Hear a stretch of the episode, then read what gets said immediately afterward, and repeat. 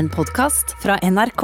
Morten Traavik er en av våre mest kjente internasjonale kunstnere. Han er utdanna teaterregissør og blir sjelden nevnt uten å samtidig som eh, han omtales som provoserende eller kontroversiell, for han har arrangert rockekonsert i Nord-Korea og missekonkurranse for mineskadde kvinner i Angola, og skal denne våren lage en oppsetning med den minst like omdiskuterte sløseriombudsmannen. Drivkraft med Ruben Gran i NRK P2. Morten Traavik, velkommen. Takk skal du ha. Hvordan har du det? Du har det vel så bra som man kan ha. Eh, ti sekunder inn i programmet. Ja. Så eh, får vi jo se. Hva har du gjort i dag? Eh, I dag så har jeg, jeg har faktisk jobbet en hel del. Jeg har skrevet eh, den første kladden til kjøreplan for Sløserikommisjonen-forestillingen som du nettopp eh, nevnte. Eh, den har jo premiere Første, første episode har eh, premiere i Bergen om eh, tre uker. Så nå er det litt tiden og veien. Så, eh, så jeg har jobbet en del med det. Ja. Hvor tidlig er du oppe, siden du har jobba en del allerede i dag? Jeg begynner å bli såpass gammel nå at jeg begynner, har begynt å våkne av meg sjøl sånn rundt sju. Um, Seinest. Og det er jo egentlig både bra og dårlig. Det er litt dårlig hvis man har vært ute dagen før. Ja, ikke sant? Det går, det, men det funker litt. Det der med å, å, å drikke på litt ekstra for å få en god sovemorgen, det, det funker ikke lenger. Det blir liksom en sånn uh, Ja, det blir helt feilslått. Det er jo liksom i sjutida voksne folk skal opp, Ja, det er jo det. har jeg hørt også. Sier kanskje noe om mitt, mitt, mitt sjøloppfattelse. Men vi, du vet, vi, eh, vi kreative, vi i de kreative yrkene, vi, eh, vi har ofte litt andre døgnrytmer enn enn dere vanlige mennesker. Ja, er du, lever du opp til myten om at kunstnere er nattmennesker? Uh, jeg tror egentlig ikke Jeg har vel alltid vært B-menneske, tror jeg. Jeg har likt å, å sovne seint og stå opp seint. Men uh, nå har jeg vel egentlig blitt mer et, et B-A-menneske.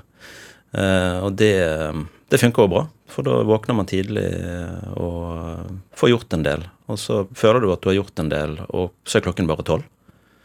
Så Ja, det er jo en av fordelene med å bli litt eldre, iallfall. Ja. Du, du bor jo eh, i Stockholm til vanlig, eller mest, har jeg inntrykk av. Hvordan er det å være i Oslo? Akkurat nå er det jo litt småtrist, da. Men været er jo, været er jo fint. Ja. Eh, Men det har vært veldig interessant altså jeg, har jo, jeg har jo barn eh, i, i Stockholm eh, som er såpass små at de, de vil jo gjerne være nær eh, så mye som mulig. Eh, samtidig som jeg også bor og jobber mye gjennom Norge. Så eh, jeg har jo kunnet Det har også vært en interessant studie egentlig gjennom hele pandemien, siden jeg er unntatt fra karantenebestemmelsene eh, og kan reise fram og tilbake relativt uhindra. Um, og, og, og se litt på, de parallelle, altså på parallelle strategier og hvordan, hvordan samfunnet um, ser ut i forhold til hverandre. Og nå er det ikke så forskjellig, tror jeg, som, som mange her kan få inntrykk av når du leser alle alle Tyn-sakene om Sverige og Tegnell og sånt. Det, det er masse restriksjoner i Sverige òg. Men, men de har jo holdt De har jo aldri stengt helt ned. Nei, ikke sant. Men har du, har du blitt glad i Sverige? Gladere, tror jeg vi kan. um, jeg vet ikke om, det liksom, om jeg blir uh, har begynt å bli myk, å mykne på mine eldre dager, men uh, ting som før irriterte meg vilt, for det er virkelig ekstremt mye å, å irritere seg på med Sverige, så forsiktig, don't get me started. Men uh, har liksom et, etter hvert begynt å, å synes at det er litt Ja, det, det er mer morsomt enn irriterende. Men det er et gåtefullt folk. Det er det Det er definitivt. det. Ja. På hvilken måte da? Det, For det første så vet ikke de helt sjøl hvem de er. Eh, De, de, de er på en måte Altså, jeg har litt den samme følelsen når jeg omgås med svensker, og dette sier jeg som en som har vært gift med en svenske i ti år. Um, du, det er litt som når du er i Japan. Altså at du, du prater med folk og har en, har, et, har en snakk med folk. I Japan eller Øst-Asia, f.eks. Og så snakker du om noe som, som du er på samme nivå, men så er det hele tiden et eller annet nivå du lurer på om du kanskje går glipp av. Et eller annet sånn underforstått, eller et eller annet Et eller annet liksom litt skjult nivå, og det føler jeg også i Sverige. At, at, at man ikke helt catcher. Er det en kulturell ting, eller er det språklig, eller Kulturelt. Helt Ja. klart. Helt klart. Uh, det er jo Altså, Sverige har vel blitt kalt for Nordens japaner også. De, de har jo mm, nå, nå snakker jeg selvfølgelig veldig generelt om en folkegruppe. Ja. Så hvis noen vil eh, anmelde meg for trakassering av folkegrupper, så, så er, har de muligheten nå. Men det er et slags merkelig halvasiatisk, halvtysk folkeslag som, som eh, skammer seg litt over hvem de er. Eh, det, er, det er liksom bønder som har bestemt seg for å være moderne. Eh, og, og en god del mer sjølhatende bønder enn det vi nordmenn er. Vi nordmenn er litt mer stolte bønder, tross alt, enn det svensker er. Så svenskene de, de bestemte seg liksom på 1930-tallet for at nå skal, vi, nå skal vi slutte å være bønder. Nå skal vi slutte å være katthult, liksom, og nå skal vi bli eh, ABBA. Nå skal vi bli det mest liksom, moderne og snygge og velfungerende. Og det klarte de jo veldig bra òg. Men den liksom husmannssjelen sin, den, den fins der inne ennå. Men nå prøver de liksom å maskere det med, med modernitet og eh, globalisme og, og flykte litt fra seg sjøl. Og, og, og, mye mer flaue over nasjonalidentiteten sin enn det vi nordmenn er, f.eks. Jeg skal ta kontakt med Sverige etterpå, så de kan komme med tilsvar. ja, det blir, neste, blir gjest i morgen. Ja. Heller på mandag. Men kunne, kunne, du tenkt deg å flytte helt og holden tilbake til Norge? På en måte ja, men på en annen måte så Jeg har tenkt en del på det der.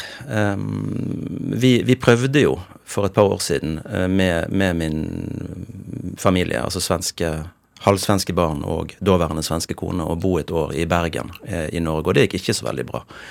Av, det var egentlig mer av konkrete familiære årsaker, men da fikk jeg smakt litt på det der. Og fikk vel egentlig Og har tenkt litt på etterpå at kanskje egentlig at eksilet er min skjebne, på en måte. Eh, fordi mye av det blikket jeg etter hvert dels har utstyrt meg med, og dels blitt Eh, ja, pålagt eller tildelt eller Det er jo alltid en kombinasjon, sånne ting, tror jeg. Hvilken rolle man tar, og hvilken rolle man får.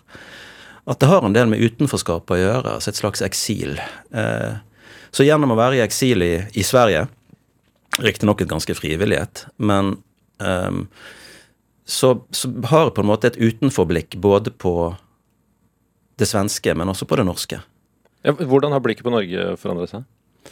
Altså Nå har jeg vært ute av Norge i veldig mange år. Jeg, jeg, jeg, har jo Altså jeg tok jo utdannelsen min i utlandet. Eh, først i Moskva i Russland, og, og så i Stockholm i Sverige.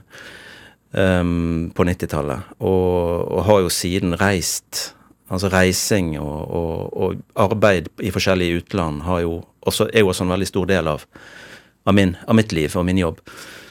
Sånn at um, det å ha et utenforblikk Jeg tror første gang jeg merket utenforblikket på Norge, var mens jeg bodde i Russland. For det var på begynnelsen av, uh, av 90-tallet.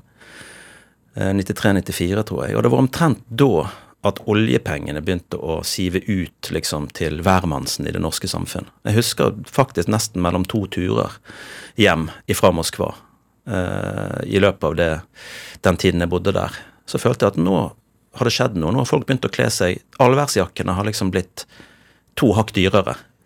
Og, og ting liksom har begynt å Du har begynt å se at her er det penger. Og det, det utenforblikket tror jeg ikke um, tror jeg, jeg, tror ikke jeg hadde lagt merke til på det samme måte hvis jeg hadde vært frosken i gryta, liksom, som, som, der, som varmes langsomt opp. Ja, ja jeg merka ingenting. Nei, ser du. Ja. Ja. Eh, du er jo i hvert fall i vinden her til lands eh, om dagen. For det pågår en ganske heftig debatt i det norske scenekunstmiljøet eh, relatert til oppsetningen din, Sløserikommisjonen. Eh, vi skal ikke ta debatten her nå, det, det, går ikke, med bare deg og meg. Helt greit. Men hva er hovedlinjene i den debatten, eh, fra ditt eh, ståsted? Sånn som jeg opplever det, så um, så er vel det, det, en del av scenekunstmiljøet, helt rettmessig, mener jeg, eh, er sinte på og reagerer på. Det er jo måten Uh, en del fra det frie scenefeltet har blitt hengt ut. Uh, Riktignok på en humoristisk, men, men ganske harselerende måte. Uh, diverse ganger via Sløseriombudsmannen sin Facebook-side. Um, så de er nok mest sinte på han. Men i og med at jeg har invitert han inn som medvirkende og bidragsytende i dette forestillingsprosjektet, så er det vel i en del folk sin logikk så blir jeg da han by association. Altså det, det, blir på en måte at Det betyr i deres øyne at jeg mener det samme som han. Um, og, og, det oppleves, opplever de som veldig provoserende. Og kanskje litt som et svik også, at jeg, at jeg er illojal mot mitt eget fagmiljø. og, og brønn, pisser i min egen brønn og så videre og så videre. Og det, det, det er jo for så vidt sant, det òg. ja, du, du, har, du, forstår dem? Absolutt. absolutt. Eh, Men så er jeg kanskje ikke helt enig i konklusjonene de trekker av den opplevelsen de har. For den, den mener jeg er litt feilslått, og, og bygger på litt feile premisser. Men den oppsetningen, er det riktig å kalle det en oppsetning? Absolutt. Ja. Eh, Den hadde ikke funnet uten Sløseriombudsmannen? Nei, nei, på ingen måte. Altså, hele, hele ideen oppsto jo på et uh, julebord, faktisk, i kompani med Tråvikinfo. Uh, eh, vi hadde et styremedlem, da, for Tråvikinfo har struktur som en stiftelse med et styre. Så vi hadde et styremedlem som er koreograf, og hadde da det året blitt en av lukene i Sløseriombudsmannens julekalender.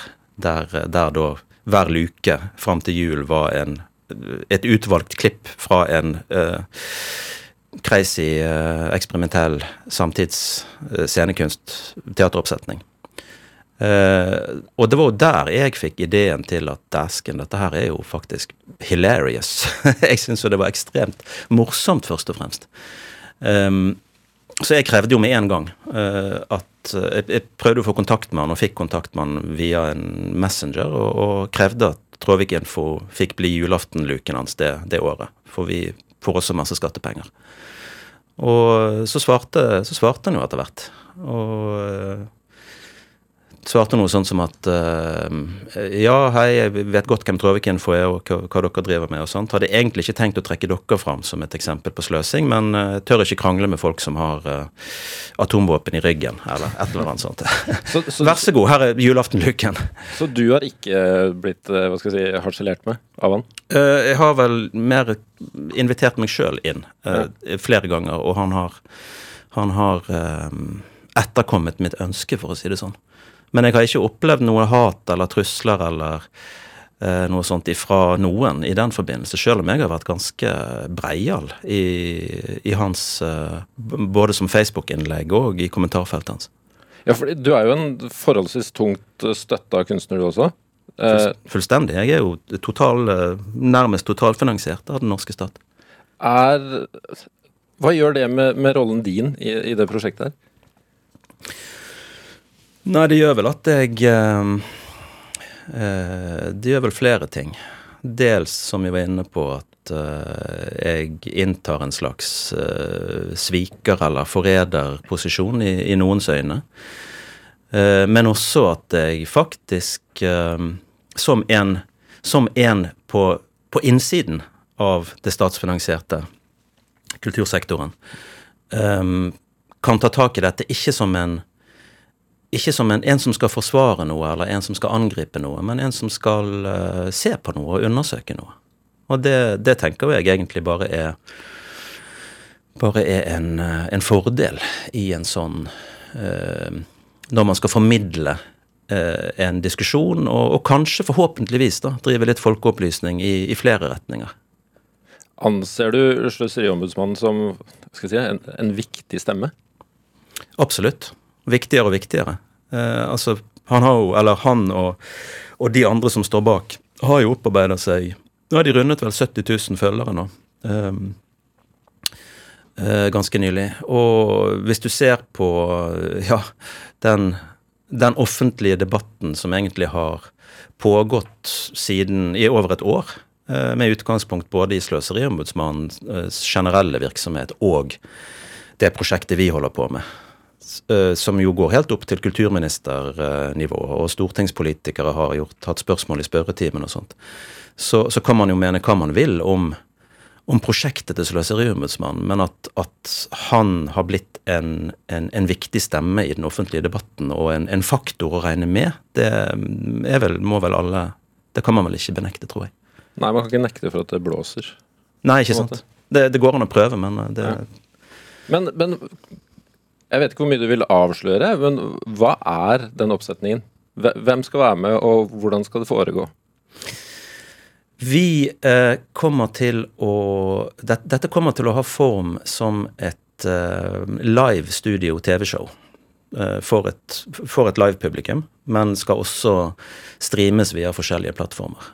Og eh, bare for min egen forfengelighets skyld så vil jeg gjerne påpeke at det hadde jeg funnet på før pandemien kom. Ja.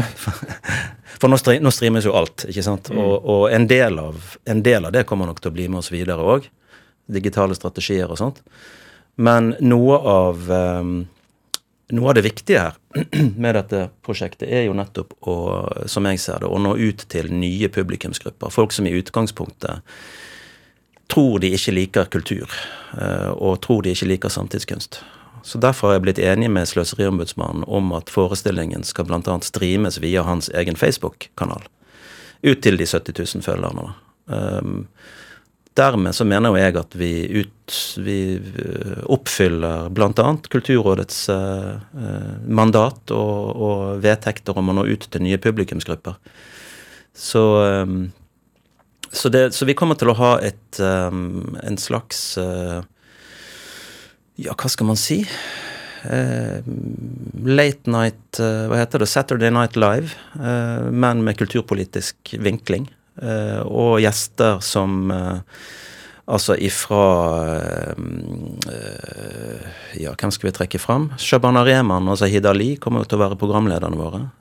Og skal frette ut gjester fra Mimir Kristiansson til øh, performancekunstner Julian Blaue, f.eks. Uh, Kjetting-Jan Vindenes, som er partiet Liberalistenes førstekandidat Vestland konket ut Per Sandberg for øvrig for, som uh, øverste plass på lista.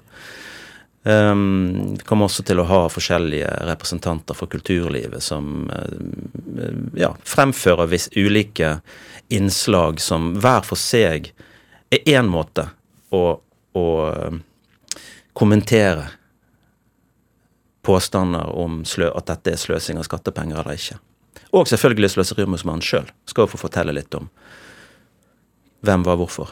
Så det blir et rimelig bredt spekter av uh, ideologier og oppfatninger? Absolutt. Og det, det, har jo vært meningen hele tiden. Det er jo derfor det er litt morsomt at, at uh, noe av, av, kritikken fra den gjengen som energisk prøver å få hele prosjektet kansellert, uh, er jo at dette er ja, hva er det de kalte det da? Hvit, mannlig, populistisk dritt, eller noe sånt. kalte de det fire måneder før premiere. Og det er jo litt, syns jeg litt, blir litt strengt, da, om en, et prosjekt som ikke finnes ennå. For det blir satt opp uh, den våren her? Ja, jamen sann. Ja. Flere steder. Pandemi eller ei? Pandemi eller ei. Ja. Du hører Drivkraft i NRK P2. Yes, det gjør du, og her har jeg besøk av kunstneren Morten Tråvik. Er det riktig å kalle deg kunstner? Du kan hvis du absolutt må og vil. Eh, men det er jo et, det er jo et, um, et begrep som uh, har en god del bagasje. Og ikke, alle, ikke, ikke all bagasjen der er like, er like brukbar, synes jeg. Hvilken bagasje tenker du på da? Altså Jeg pleier alltid å sitere Georg Johannessen, som var uh, Han jo en, var jo en berømt og beryktet uh, kultfigur i, i, norsk kulturliv og akademia. Uh, og professor i, i, talekunst, retorikk, på Universitetet i Bergen i mange, mange år. Og han, han, han, sa, han skal ha sagt at den største tragedien i hans offentlige karriere det var når han ga ut sin første diktsamling, altså debuten hans, som var en diktsamling. Og så fikk han en høythengende poesipris for den. Og det var en tragedie, for etter det var det ingen som tok han på alvor lenger. Og, og det, der syns jeg han var inne på noe. For, for dette med å kalle seg sjøl eller bli kalt kunstner, da går man lett inn i bevisst eller ubevisst et slags frirom der man eh, kanskje verken krever eller forventer å bli tatt på alvor. Og, og det det er ikke det at eh, jeg forventer eller krever å bli tatt på alvor hele tiden, for det, det vil også være misvisende. Men eh, jeg vil gjerne problematisere eh, det begrepet. Jeg, kulturarbeider, absolutt. Det, det, kan jeg leve med. Men, men, kunstner er nok noe som jeg Med mindre, du vet, man, man i, i, en konfirmasjon over, over eh, svinekotelettene blir spurt ja, hva holder du på med da? Og så kan man jo bare svare kunstner, bare for å slippe den lange utlegningen jeg holder på med akkurat nå, f.eks. Ja, så du tenker at begrepet kunstner er et generelt At det, det, det rommer feil verdier for deg? Eh, ikke feil verdier, men kanskje ikke helt dekkende verdier heller. Nei. Fordi uh, det er jo faktisk også en del folk som mener at jeg ikke holder på med kunst. Eh, senest nå for en måneds tid siden så sa jo eh, lederen i eh, det eh, jeg må si eh, fantastiske navnet Safe Muse, eh, altså den trygge musen. Eh, Jan Lote Eriksen han sa jo live på radio om Sløserikommisjonen at dette er ikke kunst. Sånn at jeg beveger meg jo tydeligvis i et terreng der også en del folk med tilknytning til kunst- og kulturfeltet har problemer med å se det jeg holder på med som kunst. Og det, det syns jeg at det, det i, det, I den gråsonen der, eh, som også er en slags, et slags eh, eksil, kan du si, um, er det kanskje jeg trives best. Ja, Jeg skulle til å si det. Liker du det der, eller? Jeg har lært meg å like meg der. Eh, Det er vel også en kombinasjon av av å, å, å følge sin egen um, Følge sin egen indre magefølelse, uh, hvor den nå måtte lede, uh, og eh, avfinne seg med at det er kanskje bare sånn det må være. For hvis ikke jeg, hvis ikke jeg er der, så er ikke jeg meg. På, på hjemmesida di så står det noe sånn som at forestillingen om verden som en scene er alltid tilstedeværende. Eh, er, det, er det sånn at gjennom det arbeidene dine så iscenesetter du livet? Ja, det tror jeg nok du kan si. er en av um, Et av virkemidlene. Sånn har det vel vært helt siden siden jeg tok Ronja-spranget mitt over helveteskapet. Ifra mer tradisjonelt teater på teaterscener og, og kunst i kunstgallerier og sånt, som jeg gjorde med Miss Landmine i, i 2007-2008. Det ble på en måte et slags veiskille for meg. Um, både kunstnerisk og, og eh, Eller kanskje ikke veiskille, men en, et, ja, et Ronja-sprang. Over til en annen bredde. Uh, der jeg har med meg ideen som du var inne på, om, om, eh, om verden som en scene. Om at det pågår hele tiden en masse sjøliscenesettelser og en masse større iscenesettelser rundt oss. Og med en bevissthet om det, med en, kanskje teaterregissørens bevissthet og evne til å gjenkjenne de mekanismene, så trenger man ikke alltid å hyre inn skuespillere. Det er nok å bare lage en ramme rundt og, og sette, en, sette det i en kontekst for å bringe fram den skjulte iscenesettelsen i det vi holder på med. Hvordan preger det deg, tror du? Altså, sånn, er, du er du alltid på jobb? Uh, Jeg ser liksom for meg at det brått kan bli en slags distanse til verden. da. ja, men det har det egentlig alltid vært. Jeg har egentlig alltid vært en observatør, tror jeg. Mm. Så den distansen, og, den, og det, det tror jeg egentlig jeg deler med veldig mange andre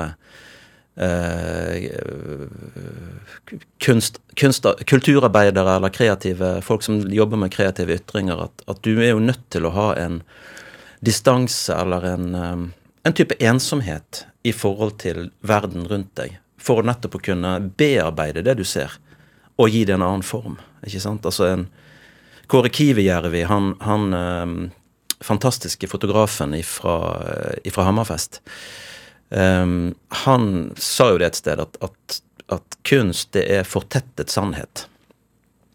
Uh, sånn at for å, for å, kunne få til den fortettelsen, så tror jeg at du må, du må ha hatt en distanse først. For ellers så ser du jo ikke. Altså For å ha overblikket, så må du ha en distanse til det. Og deri ligger jo Deri ligger jo, tror jeg, um, noe av eh, La oss si ok, la oss kalle det kunstneren, da. Bare for enkelhets skyld. Så slipper vi denne her kjempelange parentesen.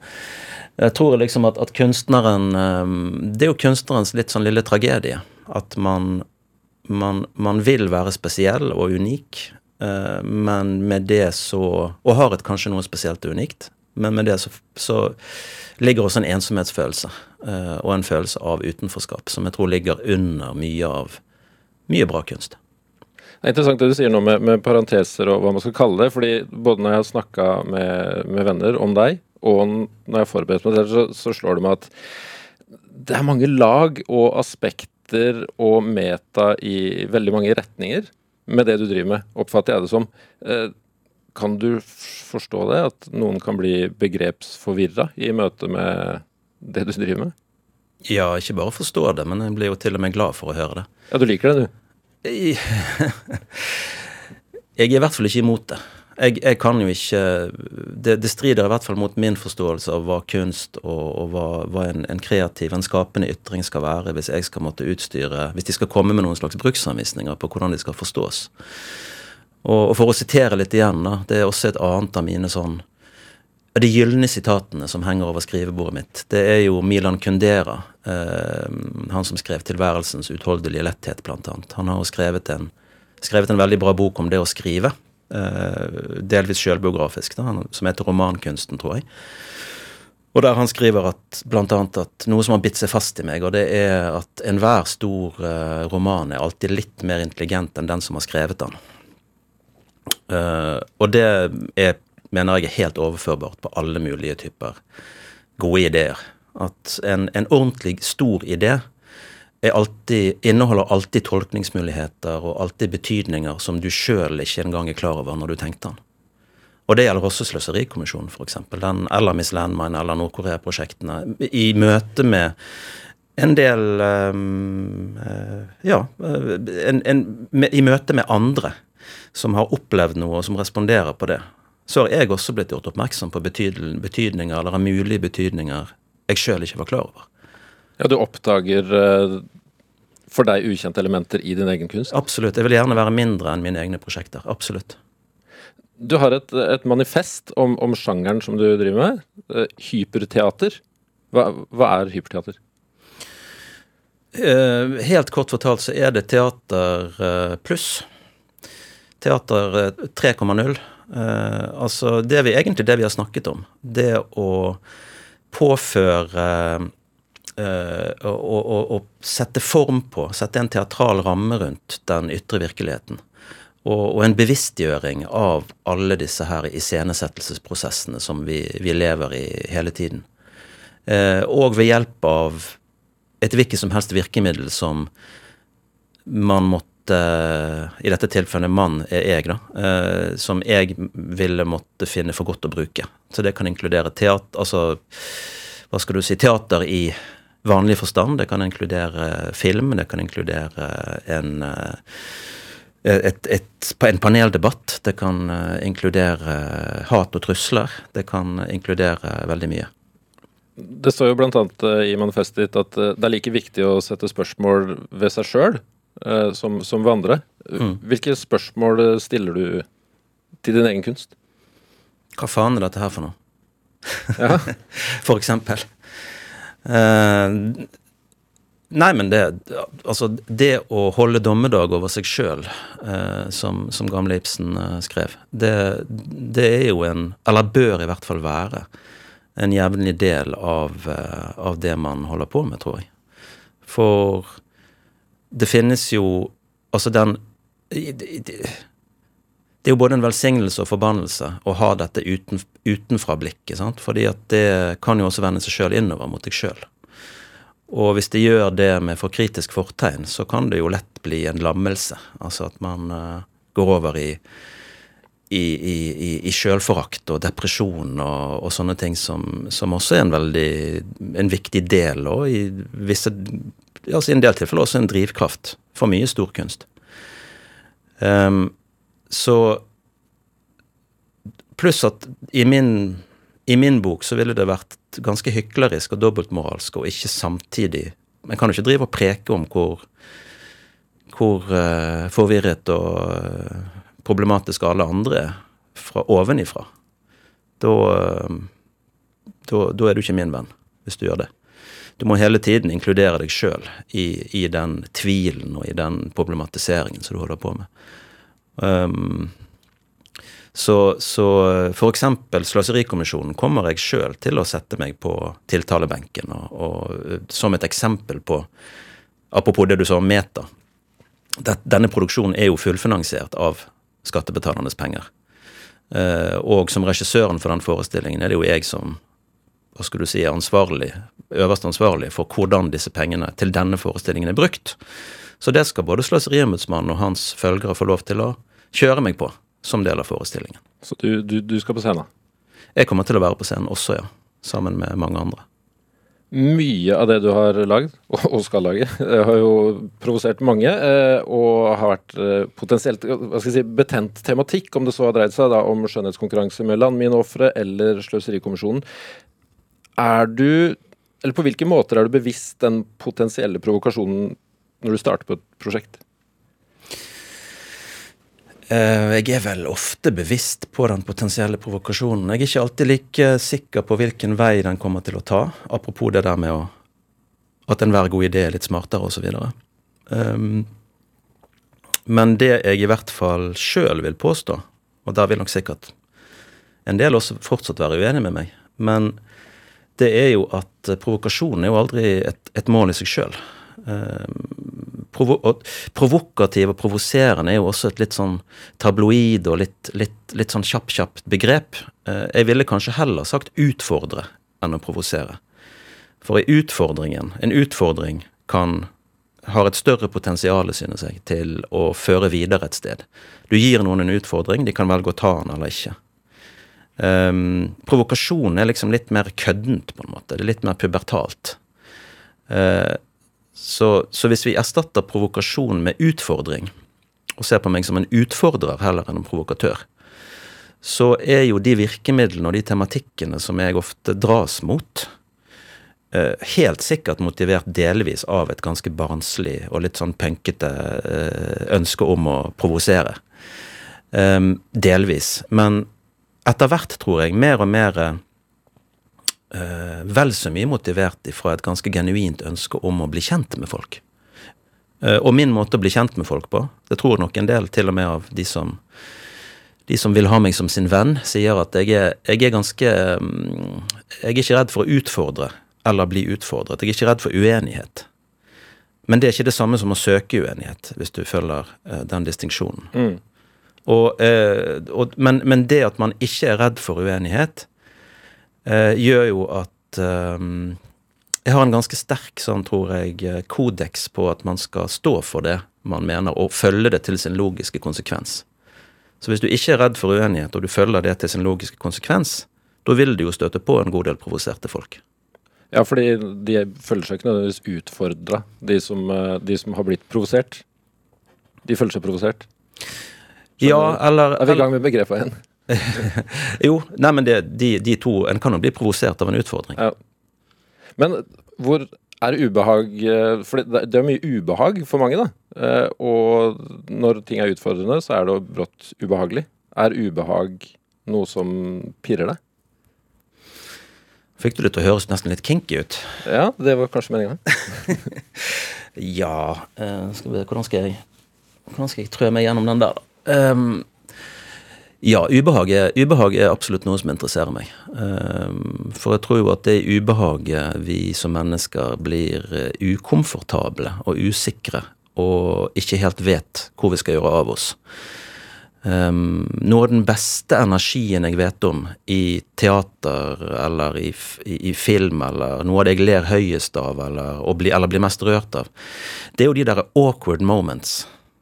Du vet denne her uh, før man sier ja da, nei da, sånn at uh, Den, sant. At når ting blir hengende i luften, det er en ekstremt, for meg, kanskje noen av de sånn gylneste øyeblikkene der man ikke helt vet hva som vil skje.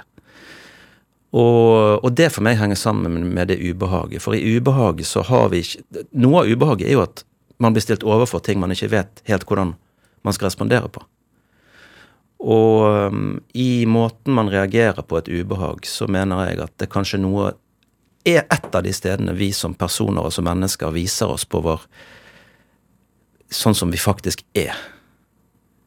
Um, eller i hvert fall viser en slags åpenhet og en sårbarhet i forhold til, til, til det å ikke ha noen fastlagte skjema å forholde seg til. Så, så det interesserer meg absolutt. Både i meg sjøl og andre. Mm. Ja, hva, hva, gjør deg ubehaget? Hva syns du er ubehagelig? Um, det pleide å være redselen for å bli avslørt, sånn som, sånn som de for mange andre. Uh, men jeg tror jeg har vokst, vokst det av meg nå. Um, jeg, jeg, er ikke Det, det høres, høres, sikkert skrytete ut, men, men jeg, jeg, er ikke så veldig redd for så veldig mye lenger. Det er klart Som forelder er jeg livredd for at noe skal skje med mine barn, altså sånne rent primale ting. Men for min egen del um, så uh, syns jeg egentlig ikke um, jeg, synes, jeg, synes, jeg, synes, det kan være flaut med et um, altfor stort og demonstrativt eh, oppvisning av påstått nærhet eller påståtte følelser eller virtue signaling syns jeg kan være ubehagelig. Eh, eller kan til, og med provoserende. Hva slags ting tenker du på da? Nei, Facebook, for eksempel. Uh, altså måten En slags sjølbekreftende um, En slags sjølbekreftende lukket kretsløp der man bekrefter hverandre på en nesten sånn automatisk og veldig Nesten litt rituell måte. Det, det, det syns jeg Det syns jeg kan være litt ubehagelig. Og, og vil og der kommer nok det med utenforskapet mitt ut igjen. At jeg har aldri Jeg har av og til ønsket at jeg kunne være en del av en sånn type herlig fellesskap der alle er enige, og der alle på en måte, der man er enig og tenker det samme og sånt. Men jeg, jeg har vel avfunnet meg med at jeg, da er ikke jeg meg lenger. Det, det går ikke. har du lagd noe noen gang som har vært, blitt unisont eh, applaudert?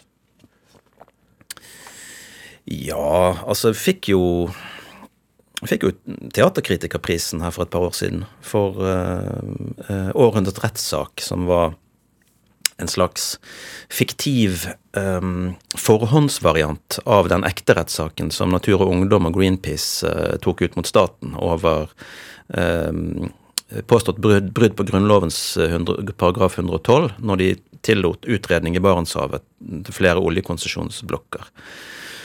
Um, så jeg tror det er litt viktig og, altså, Det er ett eksempel på en, et prosjekt der riktignok oljenæringen var ganske sur um, til, til, ideen om å medvirke som gjester i, i den rettssaken.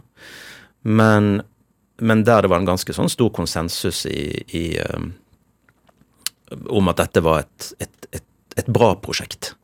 Men noe av grunnen til det tror jeg nok er at, at veldig få i oljenæringen går på teater eller bryr seg noe særlig om kultur.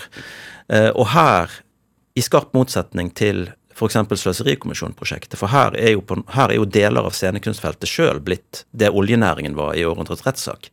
Som er kjempeprovosert og ikke har lyst til å ta del, og, og ja, til og med prøver å få, få prosjektet lagt ned. Um, fordi at nå vender vi blikket mot oss sjøl istedenfor det ganske sånn tradisjonelle, du vet, eh, motstanderbildet som vi på kultur og siden har med regjeringen og makten og, og, og høyresiden osv. osv. Men var det, var det litt deilig å ikke få kjeft, for en gangs skyld? Ja, men jeg vil ikke overdrive det der kjeftaspektet heller. fordi at det, det, altså Kjeft er jo sexy. sant? Drama selger, kjeft er sexy. Uh, men jeg har jo hele tiden, fra og med Altså, jeg har jo alltid fått bra respons og gode kritikker og, og, og sånt på det jeg gjør. Eh, fra, fra, fra, mange hold. Eh, sånn at en skal ikke liksom eh, En skal ikke stirre seg blind på, på, på, på de som er sure og kritiske heller. De har en viktig funksjon å fylle, absolutt. Men jeg hviler jo hele tiden på et trygt fundament av eh, først og fremst min egen opparbeidede avklarethet i forhold til det jeg holder på med, men også veldig mye positiv respons fra alle mulige hold. Du hører Drivkraft i NRK P2. Og her er det Morten Tråvik som er dagens gjest. Da du var rundt 30, så, så slutta du med kunsten en periode. Jobba som portør på Rikshospitalet. Eh, hvorfor det? Det var min store min, Det var da jeg møtte mørket. Da måtte jeg ned og, jeg ned og jobbe i mørket. Um, jeg, jeg, hadde jeg, jeg, tror rett og slett at drivkraften min fram til da hadde vært uh, av feil type drivstoff. Uh, så den tok slutt. Og jeg gikk inn i en ganske dyp depresjon, mistet helt troen på meg sjøl. Uh, og det holdt på med, og dette var jo midt i en midt i en stor produksjon av, av alle ting Fight Club eh, på Nasjonale Scene i Bergen. Um, Og jeg måtte rett og slett bare gi meg eh, etter noen uker, for jeg hadde ikke et fnugg av kraft i meg til å, til å kunne se for meg at jeg kunne få dette her, få denne skuten i havn. Eh, så da måtte jeg bare gjøre noe helt annet. Og for å Da måtte jeg virkelig ta steget helt, helt tilbake og forestille meg og faktisk leve i det som til da hadde vært min største frykt, å mislykkes. Og, og, og, og, til og med i full offentlighet, på en måte. Så da uh, jobbet jeg som portør på Rikshospitalet eh, i et år. Og både i et fantastisk uh, og morsomt og helt annerledes arbeidsmiljø. Portørgutter, det er, det er real guys, altså. Bra folk? Ja, ja, men det er sånn Det er sunn fornuft, rett og slett. Og eh, fikk jo både trillet lik og, og eh, sett mye Ja, sett, sett, sett mye, mye menneskelighet. Um, og jeg var vel egentlig Og da, da, hadde jeg Jeg tror det var nødvendig. Det var nødvendig for meg å helt tro sjøl også at jeg var ferdig med kunst og kultur og teater for godt. Ja, For det var det du gjorde? Det var ikke bare sånn 'nå skal jeg ta en pause'? Nei, nei, jeg, var helt, jeg, var helt, på det rene med at, at, dette her eh, Jeg har ikke noe der i den verden Jeg er ikke bra nok, jeg har ikke noe i den verden å gjøre. Men så eh, Ja, så gikk det jo et års tid, og så begynte det jo å krible litt igjen, og så fikk jeg et tilbud fra en teatersjef som, som heldigvis insisterte litt og sa at nå må du Jeg skjønner at du Jeg skjønner hva du har gått og strevd med nå en stund, men vi vil gjerne ha deg tilbake igjen, og jeg er sikker på at dette her jeg, jeg, dette, dette, gjør du bra. Og så gjorde jeg det, og så ble det bra, og så uh, var jeg liksom inne i Du vet som han sier i Gudfaren, 'Every time I try to quit, they pull me back in'. Men ja, for du sa det at det drivstoffet du hadde kjørt på uh, tidligere, tok slutt. Hvilket, hvilket drivstoff var det? Eh, noe av det var det samme som det fortsatte. Altså en ambisjon og et, et Ja, en, en, en, nysgjerrighet, tror jeg, en lekelyst. Men det var altfor mye forfengelighet og altfor mye markeringsbehov uh, i det. For mye, for mye ytrestyrt, tror jeg. Uh, og hvis den drivkraften din Dette er jo bare noe jeg tror basert på min egen erfaring, så jeg, jeg skal ikke si at det gjelder for alle.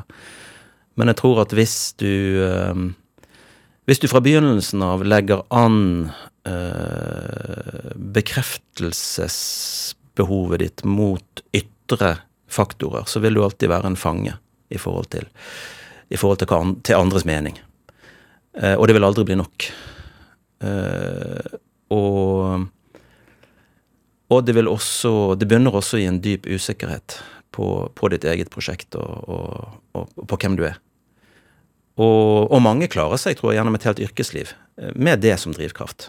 Og jeg, så jeg, jeg dømmer ikke det. Men jeg, jeg var dessverre altfor klar over det, fordi jeg er en observatør og ser ting i meg sjøl og andre. Så etter å på en måte avslørt meg sjøl som en forfengelig fjomp uh, altfor tidlig i karrieren, så, så, måtte jeg liksom ned og, og, og, og legge det der dødt. Og, ja, om du vil, gjenoppstå, da, for å høres litt pompøs ut. i i frysekjelleren på Rikshospitalet. En av, eh, eller det definitivt ditt eh, mest kjente prosjekt, eh, og som Hadde, det, hadde, hadde du dratt til Nord-Korea før den pausen kom? Eller nei, var det først etter? Nei, det var lenge før. Det var lenge før. Mm. Dette, det var 30-årskrisen min, dette her. Nord-Korea Nord var 40 års uh, det var 40-årskrisen? 40-årskrisen, ja. Hvordan starta Altså, du, du samarbeida, kan man si det, og drev kulturutveksling med Nord-Korea i, mm. i ti år? Ja, seks-sju. Ja, Var frem og tilbake sånn 20, ca. 20 ganger. Ja. Hvordan starta det? Det starta fordi um, jeg uh, en, en, en, scenograf som jeg jobbet med, uh, scenograf og kostymedesigner, hadde en daværende mann som jobbet i IT, uh, og han hadde en kollega som sa at han kunne ordne innpass i Som visstnok gikk rundt og sa til folk at han kunne ordne innpass i Nord-Korea. Og at han hadde et eller annet verv i, i Nord-Korea, da. Og det låt jo veldig spennende. Så eh, jeg ble kjent med han, og det viste seg at han var da nestleder på den tiden i en sånn såkalt vennskapsforening som, som drev med sånne utvekslinger, eller ikke utvekslinger, men vennskapsturer til Nord-Korea. Som egentlig var som en, en turisttur, bortsett fra at du, uh, du dro dit som medlem av Nord-Koreas venner, så å si. Og det var en ganske interessant gjeng fra forskjellige land. Ganske nerdete, tror jeg vi trygt kan si. Um, som da ja, sparer opp uh, pengene sine, og, sånn at de en gang hvert andre-tredje år kan dra til Pyongyang og få en sånn guided tour, og kanskje få en liten sånn svømmeknappaktig medalje av nordkoreanerne for sitt gode arbeid med å representere Nord-Korea du vet, i vennskapsforeningen sin hjemme i Düsseldorf eller uh, Sånn. Ja, for man drar ikke til Nord-Korea og farter rundt og shopper og drar dit man vil? Det er ikke noe sånn backpacking-destinasjon, nei. Det det. Så, så, det er ganske strengt. Så, sånn er det jo for alle, absolutt alle, inkludert nordkoreanerne sjøl. At du kan jo ikke dra akkurat hvor du vil. Så det, det um, slipper man ikke unna. Men i hvert fall så, så fikk jeg da være med på en sånn vennskapstur til Nord-Korea i 2008. Eh, og vertene for denne vennskapsgruppen, det er en organisasjon, en statsorganisasjon i Nord-Korea som kaller seg for Den demokratiske republikken Nei, Den demokratiske folkerepublikken Koreas komité for kulturelle forbindelser med utlandet. Eller komiteen, som jeg liker å kalle det. Eh, de er da vertskapet. Eh, og de driver med kulturelle utvekslinger. Så når jeg, for å gjøre en veldig lang historie kort, så fikk jeg etter hvert manøvrert meg rundt denne her eh, ganske weirde vennskapsforeningen, sånn at jeg kunne ha møter direkte med nordkoreanerne sjøl. Og da, da, var jeg allerede en Jeg kunne jo vise til en del internasjonale prosjekter jeg hadde gjort, og kunne vise dem litt hva jeg holdt på med, og sånt, og at jeg kunne gjøre kanskje ting for de ved å invitere nordkoreanske kunstnere til Norge i, på festivaler og sånt. Så da inngikk vi et samarbeid der. Som etter hvert også medførte uh, ganske sterke vennskap til, til en del av en del av de jeg samarbeidet med der. Hvorfor, hvorfor ville du det? Hvorfor ville jeg hva? Eh, være med på dette her? Nei, det er vel litt det samme drivkraften eller eh, pir pirringen ved det ubehagelige som vi har snakket om før. At uh, um, på den første turen så kom jo jeg med en ganske sånn solid bagasje av forutinntatthet i forhold til, til Nord-Korea. For det er jo et land man bare kjenner gjennom stort sett gjennom den ene eh, overskriften eller den ene nyhetsartikkelen mer horribel enn den andre. Um, og, eh, og, det er jo en slags blanding av, eh, av en, ja, en, konsentrasjons... Altså, det fremstår som en blanding av en konsentrasjonsleir, en, en hungersnød og en Men samtidig et sånt evil empire som er en trussel mot verdensfreden. Og bare det er jo en litt sånn snål kombinasjon.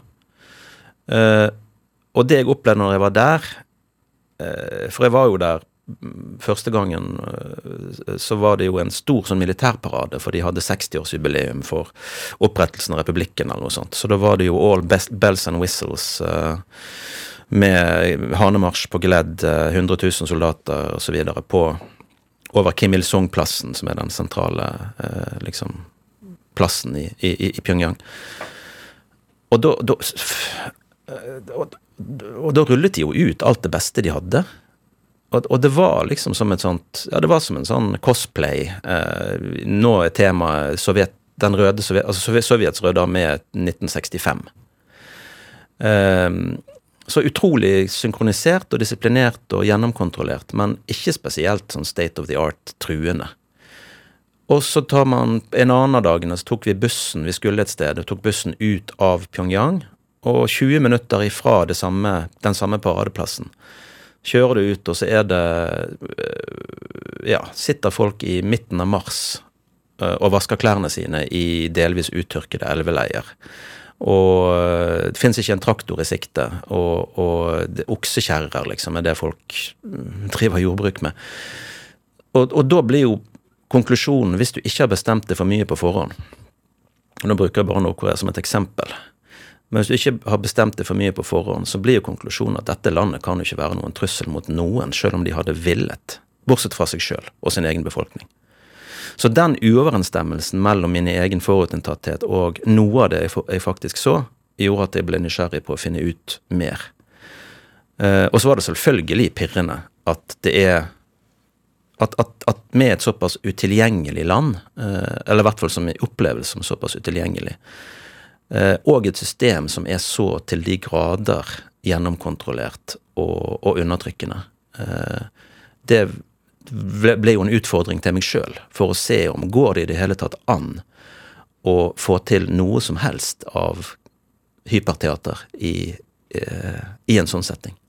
Og det gjorde du jo, men bare slå meg hvor, hvor mye så du? Altså sånn For du sier at uh, du opplevde det som ikke så farlig som kanskje vi, de fleste av oss, tror.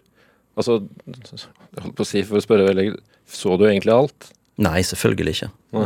men har du vært på et sånt sted Jeg tror nok en stor forskjell mellom å dra dit på en, en, en, en turistreise for det kan du også gjøre. Det kan nesten hvem som helst gjøre. Ikke amerikanere eller sørkoreanere. Men ellers arrangeres det jo gruppereiser til Nord-Korea hele tiden. I, i, altså i ikke-pandemiske uh, tider. Mm.